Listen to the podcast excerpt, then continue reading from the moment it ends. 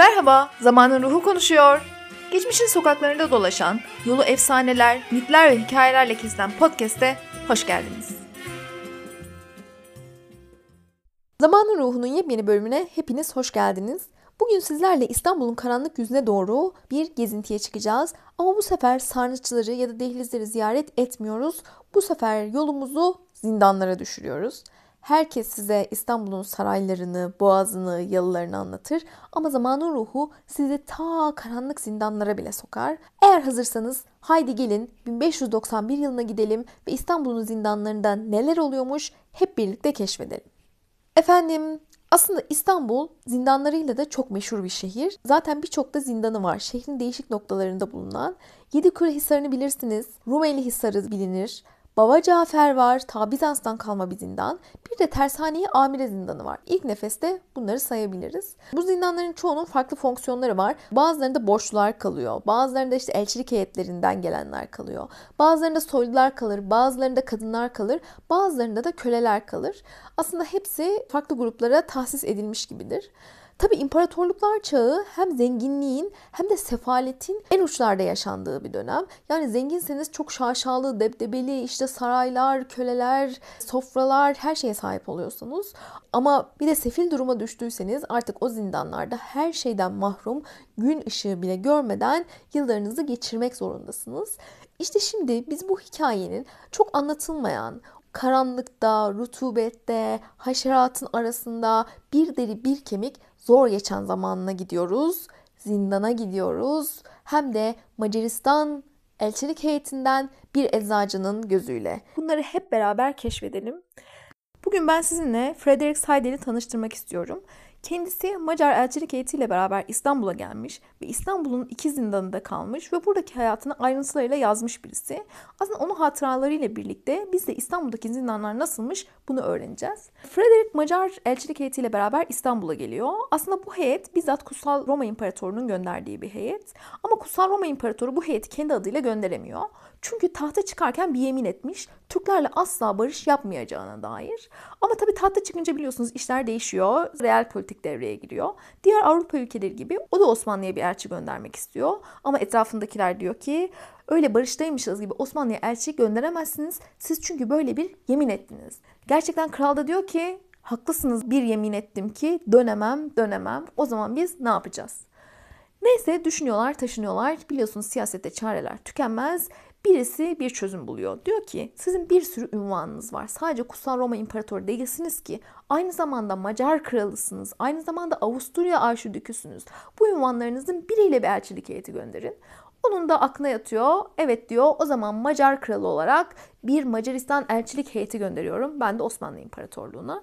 İşte böylece elçilik heyeti toparlanıyor ve İstanbul'a doğru yola çıkıyorlar. Gelince gayet güzel karşılanıyorlar. Hatta onların gelişinin ardından Divan-ı Hümayun'da onların onuruna büyük bir yemek veriliyor. Her şey çok güzel başlıyor. Lakin intikamda soğuk yenilen bir yemek olduğu için bir önceki elçi döneminden kalan bir olay onların hayatını karartacak. Efendim bir önceki elçinin döneminde şöyle bir olay yaşanıyor. Dönemin sadrazamı Koca Sinan Paşa. Koca Sinan Paşa çok ilginç bir kişilik. Divan yolundan e, Beyazıt'a doğru giderken sağda onun yaptırdığı külliyeyi görürsünüz. Hatta böyle kapıdan içeri girince hançerli bir mezar taşı sizi karşılar. İşte orayı yaptıran kişidir kendisi. Beş defa sadarete gelmiş yani dört defa da bu şekilde azledilmiş bir insandır. Yemen ve Tunus Fatih aynı zamanda. Döneminde çok büyük bir serveti varmış ama çok da fazla borcu varmış. Hediye almayı ve hediye vermeyi çok sevdiği söylenir ama tabii ki almayı daha çok seviyor. Kendisinin Maslow'un ihtiyaçlar hiyerarşisinde en çok önem verdiği şey eteğinin öpülmesi. Bunu da nereden çıkarıyoruz? Şöyle bir diyalog yaşanmış onunla. Diyorlar ki efendim çok yaşlandınız. Zaten işte adı da Koca Sinan Paşa ya. Artık diyorlar hani bu devlet işlerinden biraz eliniz ayağınız çekip dinlenseniz. O da diyor ki ah evladım haklısınız ama bu etekte öpülmek istiyor. Gerçekten Sinan Paşa'nın eteği sürekli öpülmek istiyor ve kendisine sürekli böyle hediyeler verilmesi, taltif edilmesi gerekiyor. İşte böyle bir kişilik. Şimdi bunun konumuzla ne alakası var diyeceksiniz. Şöyle bir alakası var. Kutsal Roma İmparatorluğu her sene Osmanlı'nın veziri azamına şerefiye adı altında 9000 talerlik bir ücret öderler. Bu 9000 talere eğer bir barış anlaşması yapılmışsa ya da anlaşma uzatılmışsa onun sevinciyle 12 bin taler daha eklenirdi. Diğer geride kalan değerli hediyeleri saymıyorum bile. İşte her sene Şerefiye adıyla bu para Vezir-i Azam'a ödene gelmiş. Fakat dediğim gibi işte bu Sinan Paşa çok fazla azledildiği için bir önceki azledilişinde artık herhalde Macaristan elçisi bir daha bunu sadrazam yapmazlar diye düşündü ve hak edişini hesaplayarak 9000 taler yerine 3000 taler vermiş. Yani Sinan Paşa'nın 6000 talerini ona vermemiş. Bizim Sinan Paşa bunu unutur mu? Unutmaz. Affeder mi? Affetmez. Affetmez. Ve işte bu noktada Kabak bizim yeni elçilik heyetinin başına patlamak üzere. Çünkü Sinan Paşa onların gelişinden hemen sonra tekrar sadrazamlık makamına padişah tarafından atanıyor. Efendim bu haber tabii Macaristan elçilik heyetinin kaldığı hana yıldırım gibi düşüyor. Şimdi bizimkilerin içinde fırtınalar kopuyor. Başlarına gelecekleri az çok sezebiliyorlar ama ne yapacaklarını da bilemiyorlar. Diyorlar ki en iyi şey buna çok sevinmiş gibi yapıp en önden gidip Sinan Paşa'yı tebrik etmek. Hani Aşkı Memnu'da Bihter Ziyagil'in ünlü bir lafı vardı ya yüzümde en sahici gülümsememle onların mutluluğunu izleyeceğim diyordu. Bizimkiler de yüzlerine en sahici gülümsemelerini takıp bayramlıklarını giyip Sinan Paşa'yı tebrik etmeye gidiyorlar. Artık heyecandan ne kadar erken gitmişlerse Sinan Paşa gittiklerinde uykudaymış. Uykudan uyanıyor, cemaatle namaz kılıyor, kahvaltısını yapıyor ve bunları öyle huzurlarına kabul ediyor. Yani benim anladığım o kadar elleri ayaklarına dolaşmış ki sabah namazından önce gitmişler. Neyse Sinan Paşa bunları kabul ediyor. Sinan Paşa da çok açık sözlü ve açıkça düşmanlık edebilen biri. Özellikle böyle kendisi de devşirme olmasına rağmen bazı kaynaklarda Arnavut, bazı kaynaklarda Yunanistan'dan devşirme olduğu yazılır. Hristiyanların da böyle baş düşmanı gerçekten. Elçiyi huzuruna kabul ediyor. Elçi diyor ki Kutsal Roma İmparatorluğu sizin sadalete gelmenizden dolayı büyük memnuniyet duyar. Sinan Paşa bunu duyunca açıyor ağzını, yumuyor gözünü. Diyor ki seni hayırsız gavur diyor. Benim sadalete gelmemden Kutsal Roma İmparatorluğu niye mutluluk duysun? Ben diyor sizin baş düşmanınız değil miyim zaten? Zaten böyle deyince etraf bir buz kesiyor. Sonra hediyelere bakıyor. Yani bu Sinan Paşa'nın genel bir tavrıymış hediyelere karşı. Niye diyor bana silah getirmediniz? Onları diyor size karşı kullanırdım diyor. Böyle hediye mi olur falan diyor onlara. Diyorlar ki biz anlayacağımızı anladık. O zaman biz gidelim. Gidiyorlar ama Sinan Paşa diyor ki 6000 talerimi bana ödemediniz. Onu unutmayın. Neyse elçi ağzını payını almış durumda. Moraller yerle bir. Heyet Sinan Paşa'nın konağından ayrılacak. Elçi atına binecek ama at müthiş huysuzlanıyor. Normalde sahibine karşı bu kadar huysuzlanmaması gerekir. Şimdi bu Germen kavimlerinde bir kehanet varmış. Eğer at durduk yere huysuzlanıyorsa başınıza gelecek var. Yani kötü olaylar sizi bekliyor. Gerçekten at bu işi çok iyi biliyormuş. Çünkü kötü olaylar bizim Macaristan heyetini bekliyor. Bunlar güç bela kaldıkları yere varıyorlar ve varır varmaz etrafını Osmanlı askerleri sarıyor. Bunlar artık içeride hapis hayatı yaşamaya başlıyorlar. Sinan Paşa'nın 6000 talerini ödemedikleri için. Aslında buradan kurtarmaları çok kolay. Yani sonuçta parayı öderler, biraz daha fazla öderler ve Sinan Paşa onları affeder. Ama o sırada korkunç bir olay daha gerçekleşiyor. Dönemin padişahı 3. Murat, 3. Murat batılı kaynaklara göre adil, işte savaştan hoşlanmayan barışçıl bir kişilik. Ama etrafı da savaşmak isteyen Sinan Paşa gibi vezirlerle dolu. Bir gün şöyle bir olay oluyor. 3. Murat ve Sinan Paşa sarayın içinde yürüyerek devlet meselelerini konuşuyorlar. Herhalde işte günlük 10 bin adımı falan da tamamlamaya çalışıyorlar. O sırada birden harem tarafından bir feryat figan kopuyor. Padişahın kız kardeşi ağlayarak, üstünü başını yırtarak 3. Murat'a doğru geliyor. Ne oldu demeden diyor ki işte benim oğlumu öldürdüler. Meğer oğlu olan Sinan da Balkanlarda Macaristan taraflarında görev yapıyormuş orduyla beraber ve işte bir şekilde bir çatışma çıkıyor. O çatışmada da oğlu öldürülüyor. Böyle olunca padişahın kız kardeşi padişahtan bu olayın öcünü almasını istiyor. Hatta padişah da biraz suçluyor. Sen onlara yumuşak davrandın, onların üstüne gitmedin, savaşmadın. İşte bak onlar bize saldırdı ve ben olduğumu kaybettim diyor. Tabi Sinan Paşa'nın da canına minnet. Zaten o da savaşmak istiyor. O da padişaha gazı verince padişah da diyor ki madem savaş istiyorsunuz o zaman savaşalım. Macaristan'a savaş ilan ediyoruz. Şimdi Macaristan savaş ilan edilince tabi Osmanlı'da bulunan elçilik heyeti de doğal olarak hapis konumuna geçiyor. Bunların hepsini alıyorlar ve Tersane-i Amire zindanına götürüyorlar. Tersane-i Amire zindanı Kasımpaşa'da bulunuyor. Galata zindanı olarak da bilinir. Bizim canımız, ciğerimiz, yakın dostumuz Evliya Çelebi Tersane-i Amire zindanından bahseder. Zindan Kanuni Sultan Süleyman döneminde yapılıyor ve aynı anda 200 tane geminin yapımına müsait bir yer aslında. 3 bölümden oluşuyor. Evliya Çelebi bu zindanı 300 azebin koruduğundan bahseder. İçinde 31 bin tane de mahkumun bulunduğundan bahseder. Bu sayı biraz abartı olabilir çünkü bir yüzyıl sonra aslında 700 tane mahkumun olduğunu düşünebiliriz. Elia Çelebi der ki bu zindan çok korunaklı bir yerdir. Buradan kuş olsanız uçup kaçamazsınız. Hatta zemini de o kadar kalın mermerlerle kaplıdır ki altından tünel kazmak bile imkansızdır der kendisi. Gerçekten Friedrich de benzer bir şekilde anlatacak. Zindanın 3 bölümden oluştuğunu söylüyor Friedrich. Birinci bölüm aslında ustalara ve zanaatkarlara ayrılmış bölüm. Şimdi burası tersane zindanı olduğu için burada kalanlar aslında işçi olarak çalıştırılıyorlar ve çoğu bunların köle, Hristiyan köleler.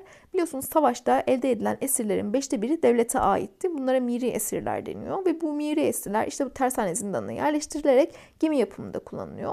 Bunlar da üç bölüme ayrılmış. Birinci bölümünde zanaatkarlar var. Eğer işte demir ustasıysanız, ahşap ustasıysanız siz Birinci bölümde kalıyorsunuz. Gündüzleri gidip gemide çalışıyorsunuz. Gece de gelip hücrenizde aslında dinleniyorsunuz. Daha iyi bir konuma sahipsiniz. İkinci bölümde ise vasıfsız işçiler var. Bunlar da ne iş verilirse yapıyorlar ve bunların durum biraz daha kötü. Bizimkileri de buraya koyuyorlar. Üçüncü bölümde ise hastane var. Hastanede de işte hasta olan mahkumlara bakıyorlar. Aynı zamanda bir kantin var ve buranın da önce bir tane sonra da üçe kadar çıkmış kilisesi ya da şapeli var. Dediğim gibi mahkumların çoğu Hristiyan olduğu için bunların işte dini inançlarını yerine getirebilmeleri için bir de böyle bir kilise kurulmuş. Bizim elçilik heyetini buraya koyuyorlar ama tabii bunlar böyle daha üst düzey mahkumlar olduğu için çalıştırılmıyor. Hepsini ikişerli gruplara ayırıyorlar ve iki kişiyi ayaklarından birbirine bağlayarak aslında kaçmalarını önlemeye çalışıyorlar. Tabii bunlara mahkumluk hayatı çok zor geliyor. Çünkü hepsi aristokrat kesimden. Yani işte düşünün işte Topkapı Sarayı'ndan artık zindana gelmiş durumdalar ve bu hayata uyum sağlamaları çok zor. Orada sürekli aç kaldıklarından, ne kadar zor bir hayat yaşadıklarından bahsediyor hatırat boyunca. Başka seferatnamelerde ya da hatıratlarda bu zindanların karşılaştırıldığını da görüyoruz. Mesela Toulon zindanı ile karşılaştırıyor bir başka elçi ve Toulon zindanının çok daha kötü olduğunu söylüyor. Bir başkası da İspanyol zindanlarında bir sene yatmanın burada dört sene yatmaya ancak bedel olabileceğini söylüyor. Yani oraya göre daha konforlu buluyor aslında. Ama tabii ki zindanda zindandır yani. Zaten yerler ot yatakların üstünde yattıkları. Pirelerden özellikle çok canlarının yandığını söylüyor. Günde iki tayında ekmek ve su verilerek artık beslendiklerini, parası olanların da gidip kantinden kendilerine istedikleri yemekleri alabildiğinden bahsediyor. Zindanda aslında tek yapabildikleri şey onların çalışmaya da gitmedikleri için kumar oynamak. Özellikle İtalyanlarla çok fazla kumar oynadıklarını anlatıyor. Hatta İtalyanların Hristiyan olmalarına rağmen çok küfürbaz olduğunu ve kumar oynarken İsa adına dua ettiklerini, kaybettiklerinde de o Yahudi bizimle dalga geçiyor falan diyerek küfrettiklerini anlatıyor. Akşamları bir de yaptıkları aktivite aslında dua etmek. Zindanın bir zangoçu var. İşte akşam olunca o kilisenin çanını çalıyor. İşte mumları yakıyor. Bir tane de ikonayı alıp tüm zindanı dolaştırıyor. İnsanlar da o sırada dua ediyorlar. Bunlar bu şekilde aslında sonlarını bekliyorlar. Gelecek haberi bekliyorlar. Tabi Sinan Paşa da savaş için çoktan Balkanlara doğru yola çıkmış durumda. Ama şöyle bir şey oluyor. Elçiyi bunlardan ayırıyorlar ve elçiyi de Belgrad'da tutuklu tutuyorlar. Neyse bir süre sonra elçinin ölüm haberi geliyor. Şimdi elçinin ölüm haberi gelince aslında hani işin baş sorumlusu ölmüş gibi oluyor. Peki bunlar ne olacak? Bunlara da artık bir karar verilmesi gerekiyor. Sinan Paşa bunların hayatını bağışlıyor. Bunları öldürmüyor. Ama burunlarının ve kulaklarının kesilmesine karar veriliyor. Şimdi bunlar diyorlar ki ya kulak yine bir şey değil ama keşke burnumuzu kesmeselerdi biz ne yapacağız burnumuzu kesersek derken bu ceza da affediliyor bir şekilde. Sadece imparatorlarına hakaret olsun diye saçlarını ve sakallarını kesiyorlar ve force olarak çalışmalarına karar veriliyor. Forsa demek kürek mahkumu demek. O dönemde Cigalazade Sinan Paşa'nın yeni bir filosu kurulacakmış. Cağaloğlu'nu hepiniz bilirsiniz. İşte Cağaloğlu Cigalazade'nin isminden gelir aslında. Onun filosuna forsa olarak veriliyorlar. Tabii bizimkiler yani böyle muhallebi çocukları nasıl gece gündüz kürek çeksinler Oradaki hayat bunlara çok zor geliyor. Çünkü ilk defa çalışmak zorunda kalıyorlar. Forsalık da çok zor bir şey. İki gün, iki gece durmadan kürek çekeceksiniz ve oturduğunuz yerde uyuyacaksınız. Gerçekten orada çok yıprandığını söylüyor. Hatta ona böyle sevgi gösteren çok böyle yapılı Müslüman bir kürek mahkumu varmış. İlk defa orada kendini Müslümanlara çok yakın hissettiğini anlatıyor. Çünkü o şey diyormuş buna. Tamam sen biraz çekme ben senin yerine de çekerim. Ya da ona böyle sataşanlara karşı onu koruduğundan bahsediyor.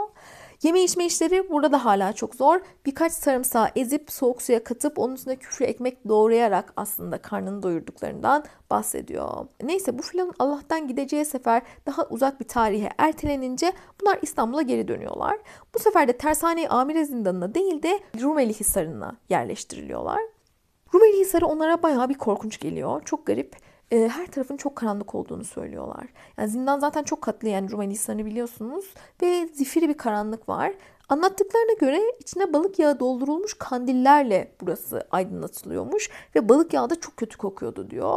Yani o kadar balık yağı nasıl bulunabilir çok aklımı ermiyor ama işte bu şekilde anlatmış. Burada da açlık, susuzluk, sefalet onların gözünde gırla gidiyor ama burada durumları biraz daha iyi. İşte Türkçe öğretmenleri var. İtalyanca öğreniyorlar kendi başlarına. İşte bir tane lavtaları var. Onu çalarak vakit geçiriyorlar. Tabii kumar yine gırla gidiyor. Ama bu sefer bir şansları var. Çünkü onları çok seven, neredeyse böyle iyilik meleği gibi tasvir ettiği bir tane zindanın ağası var. Ve bu ağa ilk önce onları görünce o kadar korkuyor ki. Çünkü bunlar artık kürek çekmekten o kadar zayıflamış, o kadar perme perişan olmuş durumdalar ki adam bunlara çok acıyor. Böyle etraftaki Türklerden sadaka toplayıp bunları getiriyor. İşte bunları teselli etmeye çalışıyor. Sürekli böyle onlara güzel haberler verip aslında morallerini yüksek tutmaya çalışıyor. Bunu çok sevdiklerini görüyoruz. Bizimki de zaten eczacı olduğu için önce böyle mahkumlara bakmaya başlıyor. Sonra ünü o kadar yayılıyor ki halka bakmaya başlıyor. Halktan insanlar zindanın içine kadar girip işte buna muayene oluyorlar. Hatta kadınlar gruplar halinde gelip buna muayene oluyorlar. Bir de yanında berber var. O da hacamat yapıyor falan derken orayı böyle küçük bir sağlık merkezine dönüştürüyorlar. Böyle olunca da onlara bir kıyak geçiyor işte bu iyi kalpli sevgili ağaları. Ve Fatih Sultan Mehmet'in İstanbul'un fethinden önce Rumeli Hisarı'nı yaptırırken orada kaldığı odayı bunlara veriyorlar. Meğer böyle içeride tamamen mermerle kaplı olan bir oda olduğundan bahsediyor. Burası Fatih'in odasıymış. Bir süre bunlar burada kalabiliyorlar. Tam o sırada işte 3. Murat ölüyor. Yerine yeni padişah geçiyor. Derken böyle işlerin biraz daha olumlu bir noktaya gidebileceğini seziyorlar. Çünkü yeni padişah geçtiğinde ne oluyor? İşte bahşişler dağıtılıyor, mahkumlar affediliyor vesaire vesaire. Bazı bunlara fırsatlar doğabilir gibi görünüyor. İşte o günlerde vezirlerden İbrahim Paşa zindanın oradan geçiyor mahiyetiyle beraber. Bunların iyi kalpli meleği ağaları hemen bunların yanına geliyor. Diyor ki İbrahim Paşa birazdan buradan geçecek. Siz ona bağırın. Deyin ki Allah rızası için bizi affedin. Bir günümüzü bin gün sayın. O sizi affeder diyor. Bunlar gerçekten ağlaya sızlaya İbrahim Paşa geçerken bağırıyorlar. Bizim bir günümüzü bin gün sayın. Bizi affedin. Allah rızası için bizi buradan çıkarın vesaire. İbrahim Paşa gerçekten onları dinliyor. Ben diyor sizi buradan çıkarmayı çok isterdim ama benim buna yetkim yok. Çünkü siz Sinan Paşa'nın tutsaklarısınız. Onun gelmesini beklemeniz lazım. Ama diyor ben size biraz para vereyim, durumlarınızı iyileştireyim. Gerçekten bunlara 11 duka para veriyor. Bizim Frederick diyor ki o güne kadar kendi devletimiz dahil hiçbir Hristiyan bize böyle bir iyilik yapmamıştı. Ya o günler Hristiyan Müslüman ayrımı o kadar belirgin ki yani hani siz kimsiniz, kimliğiniz, kişiliğiniz, tutumunuz çok fark etmiyor. Ya Hristiyansınız ya da Müslümansınız. Yani ya bu taraftasınız ya karşı taraftasınız. Ama bazı kişiler işte İbrahim Paşa gibi ya da bu iyi kalpli zindan ağası gibi bu çizgilerin dışına çıkabilmiş iyilikleriyle sadece. Neyse bunlar tekrar artık İbrahim Paşa'dan da umutlarını kesmek zorunda kalıyorlar. Ama bu arada Sinan Paşa'nın ölüm haberi geliyor. Şimdi Sinan Paşa ölünce Artık bunları gün doğmuş gibi oluyor. Çünkü onunla olan davaları vardı ve o bitmiş oluyor. Böyle olunca bunların işte tonton iyi kalpli zindan ağası diyor ki sizi diyor divan-ı hümayine çıkarmak lazım. Derdinizi onlara anlatmanız lazım. Etraftaki böyle Müslüman din adamlarını ayarlıyor ve bunların derdinin divana sunulmasına olanak sağlıyor. Bunların derdini divana işte sununca da bunları divanda dinlemek istiyorlar. İşte divanın toplanacağı bir gün bunlar Rumeli Hisarı'ndan kalkıp oraya doğru gidiyorlar. Şimdi bunların ağası diyor ki bunlara Oraya gidince diyor çok üzgün görünmeniz lazım. Saçınızı başınızı dağıtın. Zaten diyor üstünüz harap bitap. Mutlaka diyor ağlayın, başınızı öne eğin kendinizi iyice acındırın. Zaten yolda giderken hepsine soğan dağıtıyorlar. Gözlerine kum, toprak falan serpiyorlar ki iyice ağlayabilsinler. Divana gidiyorlar. İşte diğer böyle davası olanlarla beraber kapıda beklerlerken insanlar onlara çok acıyor. Diyorlar ki zavallı gavurlar üzülmeyin Allah'tan umut kesilmez Allah sizi kurtarır falan diye böyle onları teselli etmeye çalışıyorlar. İbrahim Paşa'nın önüne çıkıyorlar. İbrahim Paşa gerçekten onlara çok hoş davranıyor. Önce diyor ki bunlar nasıl gavurlardır bir anlatın bana bakayım falan diyor. Anlatıyorlar işte bunlar Macaristan elçilik heyetindendir vesaire. Böyle böyle olaylar sonucunda içeri düştüler. İbrahim Paşa da diyor ki siz diyor haksız yere içeride tutulmuşsunuz. Ama diyor bilin ki bunun sebebi diyor ne benim ne de padişahtır. Biz sizi tekrar özgürlüğünüze geri kavuşturacağız. Hepinizi azat edeceğiz. Ama diyor siz ne yapacaksınız peki bundan sonra? Biz diyorlar artık ülkemize dönmek isteriz. Peki diyor nasıl döneceksiniz? İşte herkes başka bir şey söyleyince İbrahim Paşa diyor ki siz birbirinizden ayrılırsınız diyor. Bu savaş zamanı helak olursunuz. Biz diyor o tarafa doğru sefere çıkacağız. Siz bizimle gelin ben sizi sınıra kadar teslim edeceğim. Bizimkiler önce kabul etmek istemiyor çünkü sefer çok uzun süren bir şey. Yani bir ordunun oraya gitmesi aylar sürüyor. Hani bireysel olarak gitseler aslında daha kısa sürede ulaşacaklar. Biz o kadar uzun yola gelemeyiz. Zaten gelmeye güç de yetiremeyiz. O kadar hani paramız yok. İaşeyi karşılayamayız diyorlar. İbrahim Paşa da diyor ki başımla beraber benim yemeğimden yiyin. Ben sizin iaşenizi karşılarım. Biz beraber gidelim. Ben sizi diyor teslim edeceğim. Gerçekten de dediğini yapıyor. İbrahim Paşa onları koruması altına alıyor. Hatta bizim Frederick o kadar hüzünleniyor ki İbrahim Paşa'nın eteğini öperken ağlıyor. Ve orduyla beraber yola çıkıyorlar. Dedikleri gibi Osmanlı ordusu sınıra geldiklerinde onları kendi askerlerine teslim ediyor. Ve bu uzun, karanlık ve açlıkla geçen dönem onlar için son bulmuş oluyor. İşte bu da böyle bir hikaye. Biz de sizinle bugün İstanbul'un zindanlarına bir yolculuk yapıp oranın o kasvetli, rutubetli ve üzücü havasını koklamış olduk. Ne diyelim Allah düşürmesin ne o gün ne de bugün. İşte böyle Zaman Ruhu'nun yepyeni bir bölümünde görüşmek üzere. Kendinize çok iyi bakın.